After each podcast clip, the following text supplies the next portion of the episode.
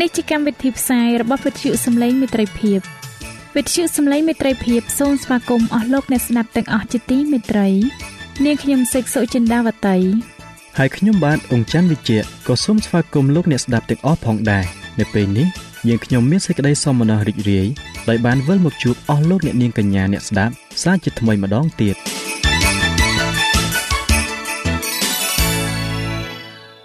ចា៎លោកអ្នកស្ដាប់ជាទីមេត្រី នាងខ្ញុំសូមគោរពអញ្ជើញអស់លោកលោកស្រីអ្នកនាងកញ្ញាតាមដានស្ដាប់កម្មវិធីផ្សាយរបស់វិទ្យុយើងខ្ញុំដូចតទៅ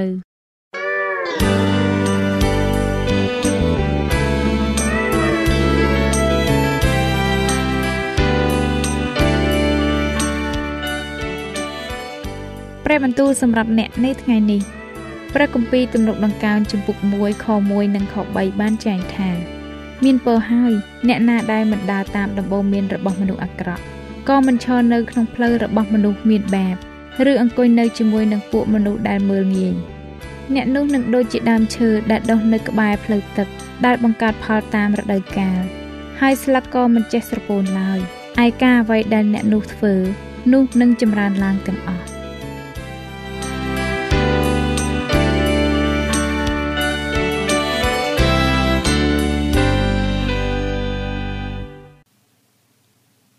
បាទខ្ញុំបាទសូមជម្រាបសួរអស់លោកអ្នកទាំងអស់គ្នាជាទីមេត្រី ស្វាគមន៍មកកាន់កម្មវិធីមេរៀនស្បាស្គូលប្រចាំសប្តាហ៍ដែលមេរៀនសម្រាប់សប្តាហ៍នេះមានចំណងជើងថាតើមានអ្វីកើតឡើងខុសប្រក្រតីសម្រាប់លោកអ្នកដែលចង់បានមេរៀននេះប្រើប្រាស់នៅលើទូរស័ព្ទដៃ Android របស់លោកអ្នកលោកអ្នកអាចទាញយកកម្មវិធីនេះតាមរយៈ Play Store ដោយវាយពាក្យថាខ្មែរសបាស្គូល អស់លោកអ្នកទាំងអស់គ្នាជាទីមេត្រីព្រះគម្ពីរបានប្រាប់យើងអំពីការចាប់ផ្ដើមនៃជីវិតរបស់មនុស្សរឿងនេះពោពេញទៅដោយសេចក្តីសង្ឃឹមសុភមង្គលនិងភាពគ្រប់លក្ខរបស់ផែនដី ព្រះជាម្ចាស់បានបង្កើតផែនដីក្នុងរយៈពេល6ថ្ងៃ នៅចុងបញ្ចប់នៃថ្ងៃនីមួយៗព្រះអង្គបានប្រកាសថា របស់គ្រប់យ៉ាងដែលទ្រង់បានបង្កើតនោះគឺសុទ្ធតែល្អដូច្នេះ តើមានអ្វីខុសប្រក្រតីទៅហេតុអ្វីបានជាមានព្យុះកំណាច គ្រោះរំជួយផែនដី កង្វះខាតស្បៀងអាហារនិងជំងឺដំកាត់ទាំងឡាយរាប់មិនអស់ទៅវិញយ៉ាងដូចនេះអស់លោកអ្នកទាំងអស់គ្នាជាទីមេត្រី បន្ទាប់ពីថ្ងៃទី6ព្រះទ្រង់ក៏មានព្រះបន្ទូលថាអ្វីអ្វីគ្រប់យ៉ាងដែលទ្រង់បានបង្កើតនោះគឺសុទ្ធតែល្អទាំងអស់ហើយនៅថ្ងៃនោះដែរព្រះជាម្ចាស់ក៏បានបង្កើតឲ្យមានមនុស្សឡើង ឲ្យមានលក្ខណៈដូចរូបអង្គទ្រង់ព្រះមិនបានបង្កើតរបស់អ្វីៗផ្សេងទៀតឲ្យមានសភាពដូចរូបអង្គទ្រង់នោះទេ លើកលែងតែមនុស្សតែប៉ុណ្ណោះមនុស្សដំបូងមានសភាពល្អគ្រប់លក្ខឥតខ្ចោះទាំងអស់ដូច្នេះប្រសិនបើព្រះជាម្ចាស់មិនបានបង្កើតមនុស្សអាក្រក់ទេតើហេតុអ្វីបានជាបច្ចុប្បន្ននេះនៅលើផែនដីយើងឃើញមានពោពេញទៅដោយមនុស្សអាក្រក់បែបនេះទៅវិញ។ ដូច្នេះសប្តាហ៍នេះយើងនឹងក្រឡេកមើលនៅអត្ថបទរឿងនៅក្នុងព្រះគម្ពីរលោកុបាទដែលលើកឡើងអំពីរបៀបដែលព្រះបានបង្កើតផ្ទៃមេឃនិងផែនដីបន្ទាប់មកយើងនឹងសិក្សានៅអ្វីដែលបានកើតឡើងចំពោះផែនដីដ៏គ្រប់លក្ខឥតខ្ចោះមួយនេះបន្ទាប់មកយើងនឹងសិក្សានៅអ្វីដែលកើតឡើងចំពោះផែនដីដ៏ល្អគ្រប់លក្ខឥតខ្ចោះមួយនេះ។ នៅទីបញ្ចប់យើងនឹងពិនិត្យមើលនៅអ្វីដែលព្រះជាម្ចាស់គ្រោងនឹងធ្វើ ដើម្បីស្ថាបនាគ្រប់យ៉ាងឲ្យល្អឡើងវិញអរលោកអ្នកជាទីមេត្រីព្រះគម្ពីរលោកុបាទជំពូក1ខ1បានចែងយ៉ាងដូចនេះថាកាលដើមដំបូងឡើយព្រះបានបង្កើតផ្ទៃមេឃនិងផែនដីយើងទាំងអស់គ្នាបានរស់នៅលើផែនដីនេះគ្មាននរណាម្នាក់បានជ្រើសរើសមករស់នៅ នៅទីនេះនោះឡើយ។ ចុះតើហេតុអ្វីបានជាយើងមានវត្តមាននៅទីនេះទៅវិញតើយើងមកដល់ទីនេះដោយរបៀបណា ហើយតើយើងទាំងអស់គ្នានឹងទៅទីណាជាបន្តទៀតនេះគឺជាសំណួរដ៏សំខាន់ដែលមនុស្សជាច្រើនតែងតែសួរចម្លើយរបស់យើងនឹងជួយឲ្យយើងម្នាក់ម្នាក់ធ្វើការសម្រេចចិត្តថាតើយើងនឹងត្រូវប្រព្រឹត្តយ៉ាងណានៅក្នុងពេលដែលយើងកំពុងតែរស់នៅលើផែនដីមួយនេះ។ នៅក្នុងព្រះគម្ពីរលោកុបាទជំពូក1ខ1អំបញ្ញមិញតើលោកអ្នកឃើញទេថាព្រះគម្ពីរនេះមិនបានព្យាយាមពន្យល់ឬបង្ហាញថាព្រះបានបង្កើតផែនដីនេះនោះទេខគម្ពីរនេះគ្រាន់តែនិយាយថាព្រះបានបង្កើតផ្ទៃមេឃនិងផែនដីតែប៉ុណ្ណោះសេចក្តីជំនឿគឺជាវិធីតែមួយគត់ដែលយើងអាចទទួលយកអ្វីដែលព្រះគម្ពីរបានចែងមក យើងត្រូវតែទទួលស្គាល់អត្ថបទនៃរឿង របស់ព្រះគម្ពីរស្ដីអំពីរបៀបដែលជីវិត បានចាប់ផ្ដើមដោយហេតុផលដ៏សាមញ្ញមួយគ្មានអ្នកណាម្នាក់បានឃើញព្រះបង្កើតផ្ទៃមេឃនិងផែនដីដោយផ្ទាល់ភ្នែកនោះឡើយដូច្នេះយើងត្រូវតែទទួលយកដោយសេចក្តីជំនឿនៅអ្វីដែលព្រះគម្ពីរបានចែងស្ដីអំពីរបៀបដែលជីវិតនៅលើផែនដីនេះបានចាប់ផ្ដើមឡើងមនុស្សដែលមិនជឿលើព្រះជាម្ចាស់ក៏ត្រូវតែមានជំនឿដោយសារហេតុផលដូចគ្នានេះដែរ ព្រះបានអំពាវនាវឲ្យយើងរាល់គ្នាជឿថាទ្រង់បានបង្កើតយើងមក តែទ្រង់មិនបានសុំឲ្យយើងរាល់គ្នាជឿដោយគ្មានហេតុផលល្អនោះទេហេតុនេះហើយបានជាសេចក្តីជំនឿមានសារៈសំខាន់ខ្លាំងណាស់ព្រះគម្ពីរបានសម្ដែងថា ព្រះបានបង្កើតមនុស្សប្រុសនិងមនុស្សស្រីដំបូងឲ្យដូចជារូបអង្គទ្រង់ដែលមានចែងនៅក្នុងព្រះគម្ពីរលោកុបាទចំពុក1ខ27 សូមលោកអ្នកបានសេចក្ដីគិតបន្តិចអំពីគំនិតនេះ បន្ទាប់មកចូលឆ្លើយនៅសំណួរនេះដូចតទៅទី1តើខព្រះគម្ពីរនេះមានន័យយ៉ាងដូចម្ដេចតើយើងមានលក្ខណៈដូចគ្នានឹងរូបអង្គរបស់ព្រះយ៉ាងដូចម្ដេចទៅសំណួរទី2ព្រះគម្ពីរលោកុបាទជំពូក1ខ27បានចែងថាទ្រង់ក៏បង្កើតមនុស្សឲ្យដូចជារូបអង្គទ្រង់គឺបានបង្កើតគេ ឲ្យចំនឹងរូបអង្គទ្រង់នោះឯងក៏បង្កើតគេឡើងជាប្រុសជាស្រីតើព្រះជាម្ចាស់បានបង្កើតអ្វីផ្សេងទៀតទៅតាមរូបអង្គរបស់ទ្រង់ផ្ទាល់ដែរឬទេឬក៏មានតែមនុស្សលោកនេះទេដែលមានលក្ខណៈដូចជាព្រះនោះបើអញ្ចឹងមែនតើករណីនេះធ្វើឲ្យយើងមានលក្ខណៈពិសេសយ៉ាងណាទៅហេតុអ្វីបានជាមនុស្សយើង មានភាពពិសេសជាងរបស់ទាំងអស់ដែលព្រះបានបង្កើតមក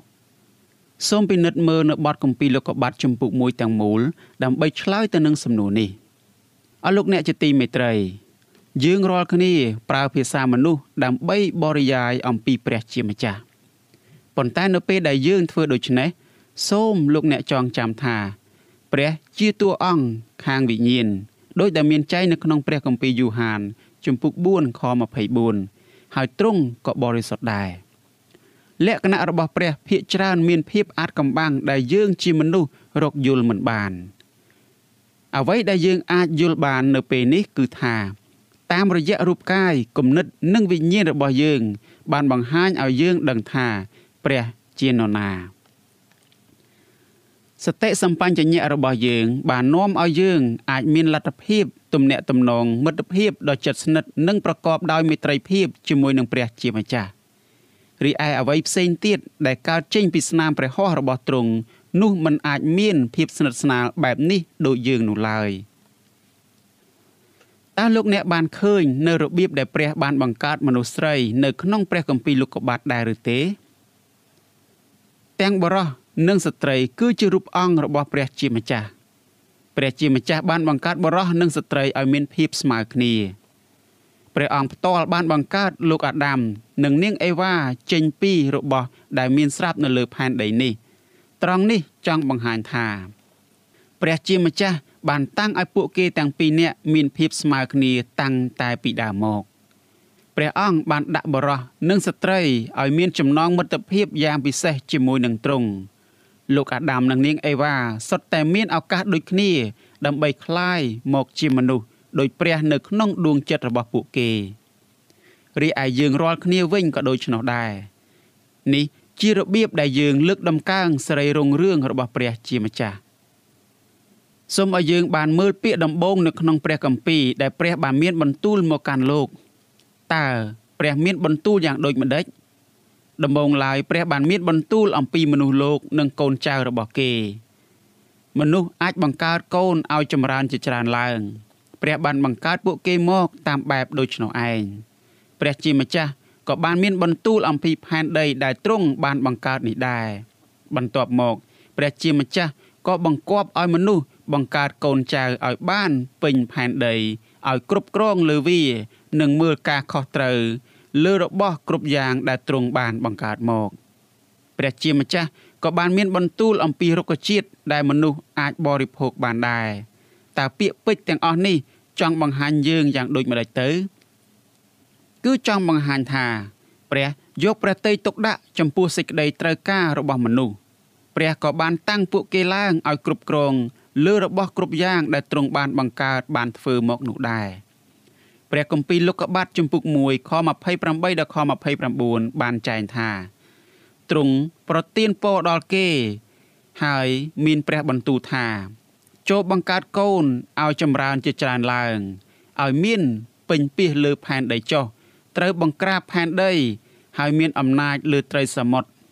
សត្វហើរលើអាកាសនិងជីវិតផងទាំងឡាយដែលកំរើកនៅផែនដីផងទ្រង់មានព្រះបន្ទូលថា មើលអញឲ្យគ្រប់ទាំងតនជាតិមានក្របពូជដែលដុះនៅលើផែនដីនិងគ្រប់រុក្ខជាតិទាំងឡាយដែលកើតផ្លែមានក្របពូជទុកជាអាហារដល់ឯង អរលោកអ្នកជាទីមេត្រី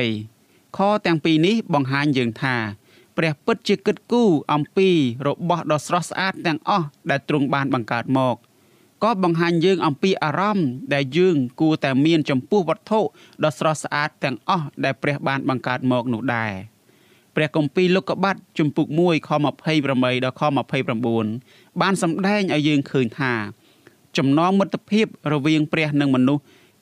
គឺកើតឡើង ដោយសារតែព្រះបានចាប់ផ្ដើមឡើងជាមុន ព្រះជាម្ចាស់ទ្រង់ជាអ្នកដឹកនាំផ្លូវហើយទ្រង់ក៏មានបន្ទូលជាមួយបរោះនិងស្ត្រី ដោយដាក់បញ្ញត្តិដល់ពួកគេទ្រង់បានបង្គាប់ដល់ពួកគេនៅអ្វីដែលពួកគេគួរធ្វើព្រះអង្គក៏បានប្រទានភារកិច្ចឲ្យមនុស្សដែរព្រះជាម្ចាស់បានបង្កើតមនុស្សមក ដើម្បីឲ្យពួកគេធ្វើការជាអ្នកគ្រប់គ្រងតំណាងឲ្យទ្រង់នៅលើផែនដីនេះ ពួកគេមានទំនួលខុសត្រូវចំពោះអ្វីអ្វីគ្រប់យ៉ាងដែលទ្រង់បានបង្កើតនៅលើផែនដីនេះតើលោកអ្នកសង្កេតឃើញទេថាព្រះជាម្ចាស់បានមានបន្ទូលជាមួយនឹងលោកអាដាមនិងនាងអេវ៉ាហាក់បីដូចជាពួកគេមានភាពឆ្លៀសវៃណាស់ហេតុអ្វីបានជាព្រះចាំបាច់មកធ្វើបែបនេះធ្វើអីបើព្រះអង្គមិនចង់ឲ្យមនុស្សនៅចិត្តព្រះអង្គនោះ ការនេះ ទ្រង់ចង់បង្ហាញលោកអាដាមនិងនាងអេវ៉ាឲ្យបានដឹងយ៉ាងច្បាស់ថាព្រះជាម្ចាស់ទ្រង់ចង់ធ្វើជាមិត្តសម្លាញ់របស់ពួកគេលោកអាដាមនិងនាងអេវ៉ាត្រូវតែពឹងផ្អែកទៅលើព្រះជាម្ចាស់ដើម្បីទទួលបាននៅព្រះពរនិងការយកប្រតិយទុកដាក់មកពីទ្រង់ពួកគេគឺជាកូនរបស់ព្រះ ហើយព្រះអង្គបានប្រទាននៅអវ័យអវ័យគ្រប់យ៉ាងដែលពួកគេត្រូវការនៅក្នុងជីវិត ពួកគេមិនចាំបាច់ធ្វើអ្វីដើម្បីឲ្យបានទទួលអំណោយទានរបស់ព្រះនោះឡើយព្រះបានប្រទាននៅអំណោយទានទាំងនេះដល់ពួកគេដោយសេចក្តីស្រឡាញ់ព្រះគម្ពីរបានបង្ហាញយើងថា ព្រះទ្រង់សពព្រះハរតីចង់នៅក្បែរមនុស្សលោក មុនពេលដែលអំពើបាបបានកើតមកម្លេះយើងក៏អាចដឹងផងដែរថា ព្រះចង់ឲ្យយើងម្នាក់ម្នាក់ មានភាពស្និទ្ធស្នាលជាមួយនឹងគ្នា បន្ទាប់ពីអំពើបាបបានចូលមកផែនដីនេះនោះដែរ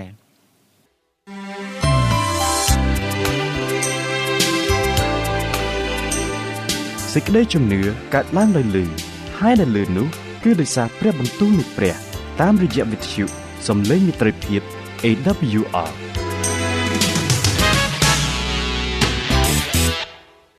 អរលោកអ្នកជាទីមេត្រី នៅក្នុងព្រះគម្ពីរលោកុបាទជំពូក2ខ16ដល់ខ17បានចែងយ៉ាងដូចនេះថាព្រះយេហូវ៉ាដ៏ជាព្រះទ្រង់បង្គាប់ទៅអាដាមថាឯងនឹងស៊ីផ្លែទាំងអស់នៅក្នុងសួនច្បារនេះបានតាមចិត្តតែឯត្រង់ដើមឈើដឹងខុសត្រូវនោះមិនត្រូវឲ្យឯងស៊ីផលឡើយត្បិតនៅថ្ងៃណាដែលឯងស៊ីនោះនឹងត្រូវស្លាប់ជាមិនខានអស់លោកអ្នកជាទីមេត្រី យើងបានសិក្សាអំពីការសាក់លបងមួយដែលព្រះជាម្ចាស់បានប្រទានដល់លោកអាដាមនិងនាងអេវ៉ាការសាក់លបងនេះក៏បង្ហាញថាព្រះបានប្រទានឲ្យលោកទាំងពីរមានសេរីភាពក្នុងការជ្រើសរើសពេញទីព្រះជាម្ចាស់បានប្រទានឲ្យគូស្វាមីភរិយាទាំងពីរនេះ មានសេរីភាពក្នុងការជ្រើសរើសរវាងការត្រូវ និងការខុសដោយឆន្ទៈរបស់ពួកគេផ្ទាល់អំណាចក្នុងការជ្រើសរើសនេះ មានឈ្មោះថា សេរីភាពនៃឆន្ទៈអរលោកអ្នកជាទីមេត្រីតើការបង្គាប់របស់ព្រះជាម្ចាស់ទៅកាន់លោកទាំងពីរបង្ហាញអ្វីខ្លះដល់ពួកគេ បញ្ញត្តិនេះបង្ហាញថា ព្រះកំពុងតែមានបន្ទូលថា យើង ជាអ្នកដែលបានបង្កើតឯងមក ហើយឯងគឺជារូបអង្គរបស់យើង យើងធ្វើឲ្យជីវិតរបស់ឯងកម្រើកឡើងបាន យើងជាអ្នកផ្ដល់ជីវិតខ្យល់ដង្ហើមនឹងធ្វើឲ្យឯងមានចលនាឡើងដែរ យើងបានប្រទានឲ្យឯងនៅអ្វីគ្រប់យ៉ាងដែលឯងត្រូវការដើម្បីរស់នៅក្នុងជីវិតដ៏ប្រសើរនិងរីករាយបំផុត យើងបានប្រទានអាហារ ទីជម្រក និងមិត្តភាពដល់ឯងរាល់គ្នា ហើយក៏បានតាំងឯងឲ្យធ្វើជាស្ដេចនិងសត្វត្រីនៅលើផែនដីនេះផង ប្រសិនបើឯងស្រឡាញ់យើង ហើយព្រមទទួលយក នៅអំណោយទានមិត្តភាពដ៏ពិសេសដែលយើងបានប្រទានឲ្យនេះ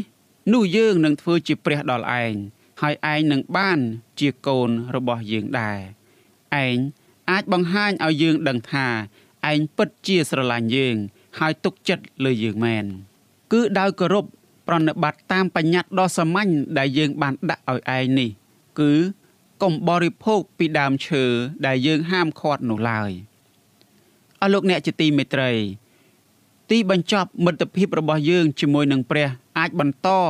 ហើយទទួលបានភាពជោគជ័យលុះត្រាតែយើងសម្រេចចិត្តទទួលយកផែនការរបស់ទ្រង់សម្រាប់ជីវិតរបស់យើងម្នាក់ម្នាក់នៅពេលដែលយើងងាកចេញពីផែនការរបស់ទ្រង់នោះបង្ហាញថា យើងចង់ចាក់ចេញពីទ្រង់ហើយយើងក៏មិនត្រូវការទ្រង់ទៀតដែរជំរឿននោះនឹងដឹកនាំយើងទៅរកចំណេះបែបអាក្រក់អំពើអាក្រក់នឹងបំបែកយើងចេញពីព្រះជាម្ចាស់ ហើយនឹងទីបញ្ចប់ទៅ យើងនឹងទទួលរង នៅសេចក្តីទុក្ខលំបាកនិងសេចក្តីស្លាប់ជាក់ជាមិនខាន ជាធម្មតា យើងរាល់គ្នាជឿជាក់ទៅលើមនុស្សដែលយើងស្គាល់ហើយមិនទុកចិត្តទៅនឹងមនុស្សដែលយើងមិនស្គាល់នោះទេដូច្នេះហើយនាងអេវ៉ាមិនគួរទុកចិត្តទៅលើសាតាំងនោះឡើយគ្រប់យ៉ាងដែលសាតាំងធ្វើក្នុងការវាយប្រហារព្រះនឹងបង្វែរចិត្តនាងឲ្យប្រឆាំងនឹងសាតាំងវិញដូច្នេះ តើសាតាំងបានធ្វើដូចម្ដេចដើម្បីបញ្ឆោតនាងអេវ៉ាឲ្យជឿជាក់ដល់លើវានោះព្រះគម្ពីរលោកុបាទជំពូក3ខ1ដល់ខ6បានចែងយ៉ាងដូចនេះថាឯពស់ជាសត្វចេះអបាយកលលើសជាងអស់ទាំងសត្វព្រៃដែលព្រះយេហូវ៉ាដ៏ជាព្រះទ្រង់បានបង្កើត វានិយាយទៅកាន់ស្ត្រីថាតើព្រះ មានព្រះបន្ទូលហាមមិនឲ្យអ្នកបរិភោគផ្លែឈើណានៅក្នុងសួនច្បារមែនឬ ស្ត្រីឆ្លើយតបថា យើងបរិភោគអស់ទាំងផ្លែឈើនៅក្នុងសួនច្បារបាន តែត្រង់ដើមឈើមួយ ដែលនៅកណ្ដាលសួនច្បារនោះ ព្រះទ្រង់មានព្រះបន្ទូលថាកុំឲ្យបរិភោគផ្លែនោះឡើយថែមទាំងកុំឲ្យពាល់ប៉ះផង ក្រែងលោស្លាប់រួចពស់ក៏និយាយទៅស្ត្រីថា អ្នកមិនស្លាប់ជាពិតមែនទេត្បិតព្រះទ្រង់ជ្រាបថា នៅថ្ងៃណាដែលអ្នកបរិភោគនោះភ្នែកអ្នក នឹងបានភ្លឺឡើង ហើយអ្នកនឹងបានដូចជាព្រះដែរព្រមទាំងដឹងការខុសត្រូវផង កាលស្ត្រីបានឃើញថាផ្លែនោះបរិភោគបានក៏ជាទីគប់ដល់ភ្នែកហើយជាដើមដែលល្មមគួរនឹងចង់បាន ដើម្បីឲ្យបានប្រាជ្ញា នោះនាងក៏យកផ្លែមកបរិភោគព្រមទាំងចែកឲ្យដល់ប្តីដែរគាត់ក៏បរិភោគតាមអស់លោកអ្នកជាទីមេត្រី នាងអេវ៉ាបានធ្វើបាប ហើយអំពើបាបរបស់នាង ពិតជាអាក្រក់ណាស់ជំរឿដែលខុសឆ្គងរបស់នាងប្រកាសជានឹងនាំមកនៅទុក្ខវេទនាដល់គ្រួសារមនុស្សជាតិនៅពេលអនាគតប៉ុន្តែជំរឿរបស់នាង មិនមែនមានន័យថា គ្រួសារមនុស្សទាំងមូលត្រូវតែទទួលទណ្ឌកម្មពីអំពើបាបរបស់នាងនោះទេជំរឿរបស់លោកអាដាមគឺខុសគ្នាពីជំរឿរបស់នាងអេវ៉ា លោកអាដាមបានយល់ច្បាស់អំពីបទបញ្ញត្តិដែលព្រះជាម្ចាស់បានហាមមិនឲ្យបរិភោគផ្លែឈើនោះ តែទោះជាយ៉ាងនេះក្តីលោកអាដាមបានសម្រេចចិត្តមិនធ្វើតាមព្រះជាម្ចាស់ហើយបានបរិភោគផ្លែឈើនោះជាមួយនឹងប្រពន្ធខ្លួនវិញជំរឿរបស់គាត់បាននាំឲ្យអំពើបាបនិងសេចក្តីស្លាប់คล้ายជាផ្នែកមួយនៃជីវិតរបស់មនុស្សទាំងឡាយនៅលើផែនដីនេះ។ តើមានអ្វីកើតឡើងបន្ទាប់ពីលោកអាដាមបានសម្រេចចិត្តមិនស្ដាប់បង្គាប់ដល់ព្រះនោះចំណងមិត្តភាពរវាងព្រះហើយនឹងមនុស្សទាំងអស់ត្រូវបានបែកបាក់មុនអំពើបាបបានចូលមក លោកអាដាមនិងនាងអេវ៉ាបាននិយាយសារសងជាមួយនឹងព្រះជាម្ចាស់ដោយផ្ទាល់មុខទល់នឹងមុខប៉ុន្តែឥឡូវនេះពួកគេបានគេចចេញពីទ្រង់ហើយបានទម្លាក់ខ្លួនពួនអាត្មា ដោយភាពភ័យខ្លាចព្រះគម្ពីរលោកុបាតចំពុក3 ខ8ដល់ខ10បានចែងថារួចមកបានលឺសំឡេងព្រះយេហូវ៉ាដ៏ជាព្រះ ដែលទ្រង់យាង ក្នុងសួនច្បារនៅពេលថ្ងៃលហើយនោះអាដាមនិងប្រពន្ធគាត់ក៏ពួននឹងព្រះយេហូវ៉ាដ៏ជាព្រះនៅកណ្ដាលដើមឈើក្នុងសួនច្បារព្រះយេហូវ៉ាដ៏ជាព្រះទ្រង់ហៅរកអាដាមដោយព្រះបន្ទូលថាឯងនៅឯណាគាត់ទូលឆ្លើយថា ទូលបង្គំបានលឺសំឡេងត្រង់នៅក្នុងសួនច្បារ ក៏រត់ទៅពួនដោយនឹកភ័យខ្លាចពីព្រោះខ្លួននៅទទេអស់លោកអ្នកជាទីមេត្រី លោកអ្នកបានឃើញទេ អំពើបាបបានបំបែកមនុស្សចេញពីព្រះជាម្ចាស់សេចក្តីភ័យខ្លាចបានចូលមកជំនួសកន្លែងដែលសេចក្តីស្រឡាញ់នៅចំពោះព្រះជាម្ចាស់ឥឡូវនេះអំពើបាបបានคล้ายមកជាផ្នែកមួយនៃជីវិតរបស់មនុស្សទាំងអស់នៅលើផែនដីនេះ រឿងអាក្រក់ទាំងឡាយដែលបានបណ្ដាលឡើងដោយសារអំពើបាប វាបានคล้ายជាចំណែកមួយនៃជីវិតរបស់មនុស្សផងទាំងឡាយប្រសិនបើព្រះមិនធ្វើអ្វីមួយទេនោះមនុស្សលោកនឹងត្រូវវិនាសជារៀងរហូតតទៅនៅក្នុងព្រះគម្ពីរលោកុបាទចំពុក3ខ15បានចែងថាអញនឹងធ្វើឲ្យឯងហើយនឹងស្ត្រីគឺទាំងពូជឯងនិងពូជនាង មានសេចក្តីខ្មាំងនឹងគ្នាពូជនាងនឹងកិនក្បាលឯង ហើយឯងនឹងចឹកកែងជើងគេតើព្រះបន្ទូលនៃសេចក្តីសង្ឃឹមនិងសេចក្តីសន្យាអ្វីទៅដែលព្រះមានបន្ទូលទៅកាន់កូនចៅរបស់ទ្រង់បន្ទាប់ពីពួកគេបានធ្វើបាបនោះអស់លោកអ្នកជាទីមេត្រីព្រះបានប្រទានឲ្យលោកអាដាមនិងនាងអេវ៉ានៅសារដ៏ភ្ញាក់ផ្អើលមួយស្ដីអំពីអនាគតកាលទ្រង់បានមានបន្ទូលថាទ្រង់នឹងធ្វើឲ្យពស់និងស្ត្រី គឺពូជពស់និងពូជរបស់ស្ត្រី មានសេចក្តីខ្មាំងនឹងគ្នា ភាពជាសត្រូវនេះនឹងបន្តរហូតដល់មានបុគ្គលម្នាក់មកដល់ដែលលោកគឺជាពូជរបស់ស្ត្រីនៅពេលអនាគតពូជរបស់ស្ត្រីនេះឯងគឺជាអង្គព្រះយេស៊ូវដែលទ្រង់នឹងវាយបំបែកក្បាលរបស់ពស់នេះវិញពស់គឺជាពាក្យប្រៀបប្រដូចសំដៅទៅមាសាតាំងការវាយរបស់ទ្រង់ នឹងលមមគ្រប់គ្រាន់ដើម្បីសម្លាប់ពស់នេះប៉ុន្តែសាតាំងដែលជាសត្វពស់នឹងមិនអាចសម្លាប់ព្រះយេស៊ូវបានឡើយសាតាំងនឹងអាចគ្រាន់តែធ្វើឲ្យកែងជើងរបស់ទ្រង់ឈឺចាប់បន្តិចបន្តួចតែប៉ុណ្ណោះព្រះបានប្រទានសេចក្តីសន្យានេះដល់លោកអាដាមនិងនាងអេវ៉ាដើម្បីផ្ដល់នូវសេចក្តីសង្ឃឹមដល់ពួកលោកទាំងពីរសេចក្តីសន្យារបស់ព្រះយេស៊ូវហើយនឹង ជ័យជំនះរបស់ទ្រង់នៅលើមាសាតាំងនិងអំពើបាបបានផ្លាស់ប្ដូរជីវិតរបស់លោកទាំងពីរជារៀងរហូតតទៅសេចក្តីសង្ឃឹមដែលទ្រង់បានសន្យាផ្ដល់ឲ្យពួកគេទាំងពីរបានបណ្ដេញនូវភាពភ័យខ្លាចចេញពីដួងចិត្តរបស់ពួកលោក ដែលកើតឡើងដោយសារតែអំពើបាបអស់លោកអ្នកជាទីមេត្រីលោកអាដាមនិងនាងអេវ៉ាបានរត់ចេញពីព្រះជាម្ចាស់ដូច្នេះហើយ បានជាព្រះជាម្ចាស់យាងមកតាមស្វែងរកពួកគេវិញ សំណួររបស់ទ្រង់បានលឺទៅដល់គូស្វាមីភរិយា ដែលកំពុងតែលាក់ខ្លួនពួនអាត្មាយ៉ាងភ័យខ្លាចនៅឯកំពតព្រៃដែលព្រះអង្គទ្រង់មានបន្ទូលថាតើឯងនៅឯណាសំណួរនេះគឺពិតជាសេចក្តីអធិប្បាយដ៏ល្អមួយស្ដីអំពីដំណឹងល្អរបស់ព្រះជាម្ចាស់សម្រាប់មនុស្សលោកគ្រប់គ្នា ដំណឹងល្អគឺថាព្រះជាម្ចាស់មិនចង់បាត់បង់លោកអាដាមនិងនាងអេវ៉ានោះឡើយដូច្នេះហើយបានជាទ្រង់យាងមកស្វែងរកពួកគេ ដូចគ្នានេះដែរព្រះជាម្ចាស់ទ្រង់យាងមកក្នុងអង្គព្រះយេស៊ូវដើម្បីតាមស្វែងរក ដល់មនុស្សគ្រប់គ្នាដែលបានធ្វើបាប នៅលើផែនដីនេះ ដើម្បីនឹងជួយសង្គ្រោះមនុស្សគ្រប់គ្នាឲ្យរួចផុតពីអំពើបាប និងភាពភ័យខ្លាចនៅក្នុងជីវិត ដើម្បីទទួលបាននូវសេចក្តីសង្ឃឹមនិងជីវិតអស់កលដែលជាអំណោយដ៏ពិសេសបំផុត ដែលទ្រង់នឹងផ្ដល់ឲ្យពួកគេ នៅពេលចុងបញ្ចប់អស់លោកអ្នកស្ដាប់ជាទីមេត្រី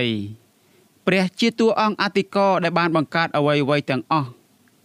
ជាការគួរឲ្យសោកស្ដាយណាស់ដែលបាបបានចូលមកហើយអ្វីៗក៏បានប្រែប្រួលចេញពីភាពល្អឥតខ្ចោះនោះទៅប៉ុន្តែសេចក្តីស្រឡាញ់របស់ព្រះជាម្ចាស់នៅតែសម្ដែងឲ្យមនុស្សគ្រប់គ្នាបានឃើញជានិច្ចនៅលើផែនដីនេះ ជាចុងបញ្ចប់នៃមេរៀននេះអស់លោកអ្នកទាំងអស់គ្នា ខ្ញុំបាទសូមលើកយកនៅខព្រះគម្ពីរចំនួន2ខដើម្បីទុកជាចំណងដៃដល់អស់លោកអ្នកទាំងអស់គ្នាបានពិចារណាស្វែងយល់អំពីសេចក្តីស្រឡាញ់របស់ព្រះជាម្ចាស់ចំពោះមនុស្សគ្រប់គ្នា គឺខព្រះគម្ពីរលោកុបាទជំពូក1ខ26ដល់ខ27ដែលបានចែងថាទ្រង់ក៏មានព្រះបន្ទូលថាចូលយើងធ្វើមនុស្សឲ្យដូចជារូបយើងទ្រង់ក៏បង្កើតមនុស្សឲ្យដូចជារូបអង្គទ្រង់ គឺបានបង្កើតគេឲ្យចំនឹងរូបអង្គទ្រង់នោះឯងក៏បង្កើតគេឡើងជាប្រុសជាស្រីអស់លោកអ្នកជាទីមេត្រីសូមឲ្យព្រះជាម្ចាស់ទ្រង់បានគង់នៅហើយនឹងប្រទានពរដល់អស់លោកអ្នកទាំងអស់គ្នាហើយជាពិសេសសូមឲ្យសារនៃដំណឹងល្អនៅថ្ងៃនេះបានជ្រួតជ្រាបនៅក្នុងក្រអៅបេះដូងរបស់អស់លោកអ្នកទាំងអស់គ្នាដើម្បីឲ្យអស់លោកអ្នក បានឃើញអំពីសេចក្តីស្រឡាញ់របស់ព្រះជាម្ចាស់និងផែនការនៃសេចក្តីសង្គ្រោះរបស់ទ្រង់សម្រាប់មនុស្សលោកប្រយោជន៍ឲ្យអស់លោកអ្នកបានទទួលយក ជាពិសេសសូមឲ្យអស់លោកអ្នកបានប្រកបដោយប្រគុណ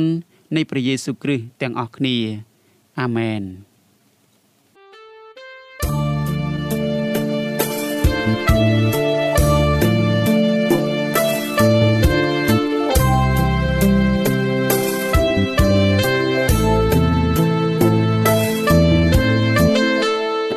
សិនជាលោកអ្នកមានសំណួរឬសំណុំពរអ្វីសូមតាក់ទងមកការិយាល័យវិទ្យុយើងខ្ញុំ តាមអាស័យដ្ឋានផ្ទះលេខ15ផ្លូវលេខ568សង្កាត់បឹងកក់2ខណ្ឌទួលគោករាជធានីភ្នំពេញលោកអ្នកក៏អាចសរសេរសម្បត្តិផ្ញើមកយើងខ្ញុំ តាមរយៈប្រអប់សម្បត្តិលេខ488ភ្នំពេញឬតាមទូរស័ព្ទលេខ012 34 96 64ឬ097 80 81 060ឬក៏តាមរយៈអ៊ីមែល vol@awr.org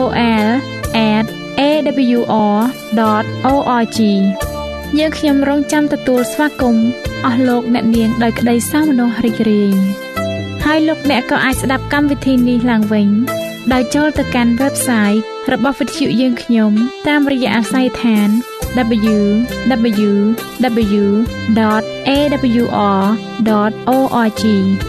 លោកអ្នកនាងកញ្ញាជាទីមេត្រី កម្មវិធីផ្សាយរបស់វិទ្យុសំឡេងមេត្រីភាពនៅពេលនេះសូមបញ្ចប់តែប៉ុណ្ណេះយើងខ្ញុំសូមអរគុណចំពោះការតាមដានស្ដាប់របស់អស់លោកអ្នកតាំងពីដើមរហូតដល់ចប់យើងខ្ញុំសូមជូនពរឲ្យអស់លោកអ្នកនាងកញ្ញាទាំងអស់ បានចម្រើនឡើងក្នុងព្រះគុណព្រះអង្គម្ចាស់ហើយក្នុងការទទួលយកព្រះយេស៊ូវគ្រីស្ទជាព្រះអង្គម្ចាស់និងជាព្រះអង្គសង្គ្រោះនៃយើងរាល់គ្នានាទីផ្សាយរបស់វិទ្យុយើងខ្ញុំនឹងវិលមកជួបអស់លោកអ្នកសាជាថ្មីម្ដងទៀតនៅថ្ងៃស្អែកវេលាម៉ោងដដែលនាងខ្ញុំសេកសុចិន្តាវតីនិងខ្ញុំបាទអុំច័ន្ទវិជ្ជៈសូមអរគុណសូមជម្រាបលា